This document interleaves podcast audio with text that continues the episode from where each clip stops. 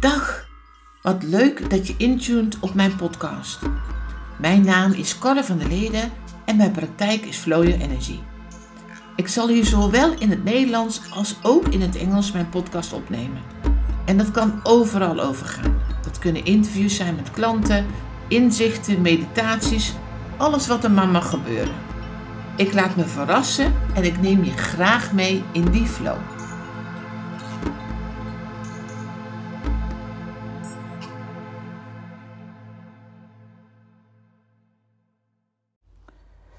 Leven daagt ons steeds uit en gooit ons steeds, soms alle kanten op.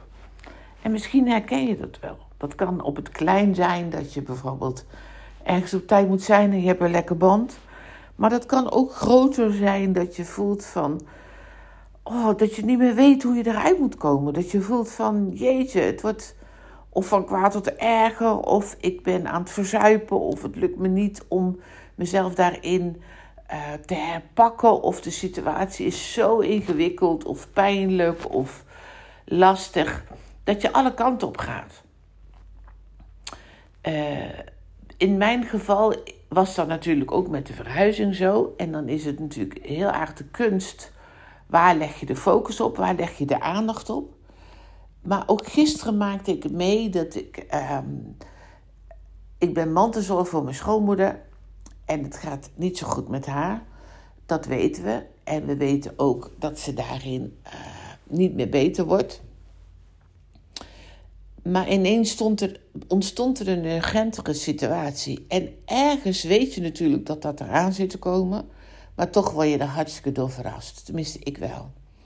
En moest ik dus ineens schakelen, ineens uh, naar Rotterdam.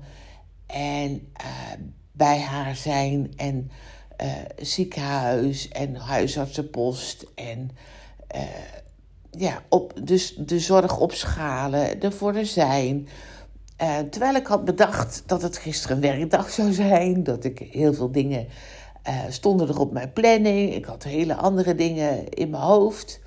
Ik ging nog braaf, dacht ik, nou dan ga ik bij haar werken, dus ik neem mijn laptop mee en al dat soort dingen. En er is nul van terechtgekomen.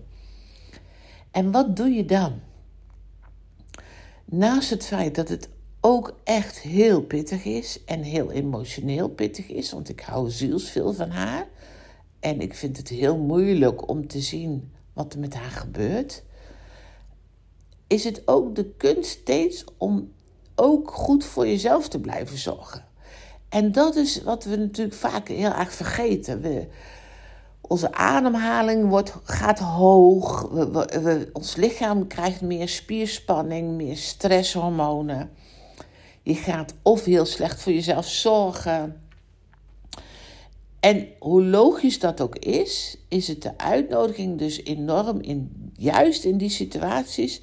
Wat kan je nog wel doen om bewust te zijn uh, van je lichaam, van het zorgen voor jou, van het, het niet volledig opgaan in de situatie, hoe soms machteloos of hoe verdrietig of hoe boos of wat dan ook dat allemaal bij je boven komt.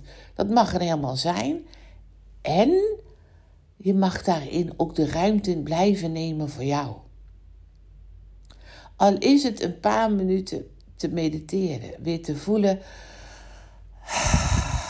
dat je ademt, dat je je hand op je buik legt, dat je uh, je voeten voelt, dat je heel bewust bent uh, dat jij er ook toe doet. En hoe, natuurlijk weten we allemaal dat het heel belangrijk is dat het goed gaat met jou om ook een situatie die moeilijk is vol te houden. En we kennen dat natuurlijk ook altijd als we een ziek kind hebben of. Maar we worden vaak overspoeld door de energie die de situatie van, zich, van zichzelf vraagt. En dat is logisch. En ik kom even langs om je daaraan te herinneren: oké, dat is de situatie. En aan de situatie kan je op dat moment vaak niet zo heel veel veranderen. Daar moet je adequaat op reageren.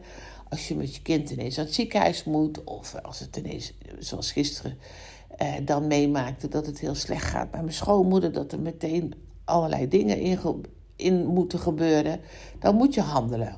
Dat is logisch. Maar tijdens dat handelen, of in een paar minuten da daarbuiten of daarbinnen kan je steeds toch weer de aandacht leggen bij jou. En dat lijkt dan heel klein en dat lijkt dan misschien heel niet te doen, te doen maar eigenlijk zeg je daarmee tegen je lichaam en tegen jouw brein: ik mag er ook nog zijn. En die is essentieel, oprecht. Want als je steeds dienstbaar bent of steeds helpt of steeds heel hoog in je stress zit of heel hoog in je ademhaling zit, dan maakt je lichaam andere stofjes aan, waardoor het eigenlijk je in een visueuze cirkel komt. En soms duurt namelijk een situatie niet even kortdurend, maar kan die soms al wat langer duren. En ik denk alle mensen die, die meemaken om uh, dat een stresssituatie langer kan duren, zullen beamen dat het steeds moeilijker wordt om dieper te ademen, om thuis te komen bij jou, omdat je dat on the way going gewoon een stukje vergeten bent, een stukje aandacht aan heeft gegeven en je ook vaak niet meer bewust bent of opmerkzaam bent wat er gebeurt. En die is essentieel om jezelf af en toe weer terug te fluiten. En toen ik gisteravond laat naar huis reed en mijn man bleef bij zijn moeder slapen en ik, ik voelde ik wil gewoon naar huis. En tijdens dat uur eh, heb ik gemediteerd in de auto, heb ik gehuild in de auto, heb ik aandacht gegeven aan wat het met mij heeft gedaan. En kijk steeds, vraag hulp. Kijk steeds waar je momenten kunt pakken in jezelf om weer terug te komen bij wat het met je doet. Aandacht te geven aan je emoties. Aandacht te geven aan jou. Aandacht te geven aan je adem, aan je fysieke zijn, aan uh, of je nou wil shaken, wil dansen, in bad wil, naar buiten wil. Zoek naar manieren die jou helpen om weer in te tunen bij jou.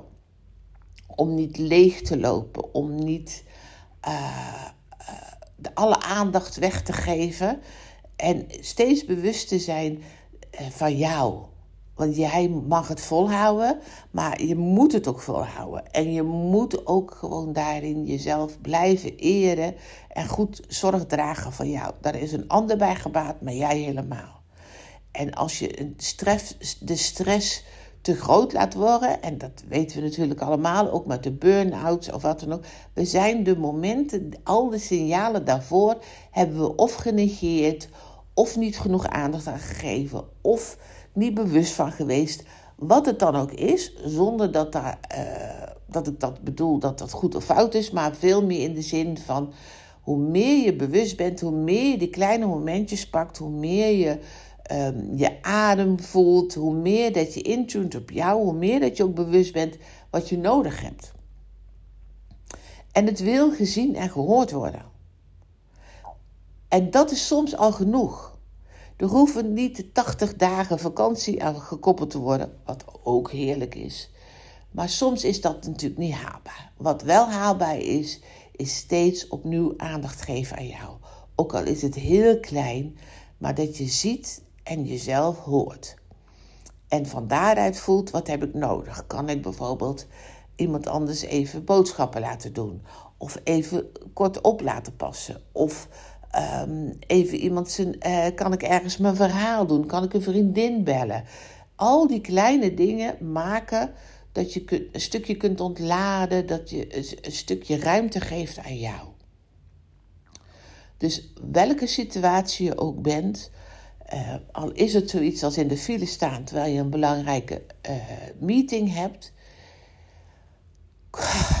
adem en vertrouw en voel dat er gebeurt wat er mag gebeuren. En je kan lang niet altijd iets doen aan wat er gebeurt. Je kan altijd iets doen hoe je ermee omgaat. En zodra je de regie neemt op hoe je met de situatie omgaat, kan je daarin ook weer heel erg voor jezelf zorgen. Dus het gaat er niet om wat er gebeurt, maar hoe je ermee omgaat. En vooral hoe je steeds bewust bent van de signalen van je lichaam en daarna luistert en die ziet en die hoort en daarna handelt. Want dat ben je waard. Heel veel liefs van mij.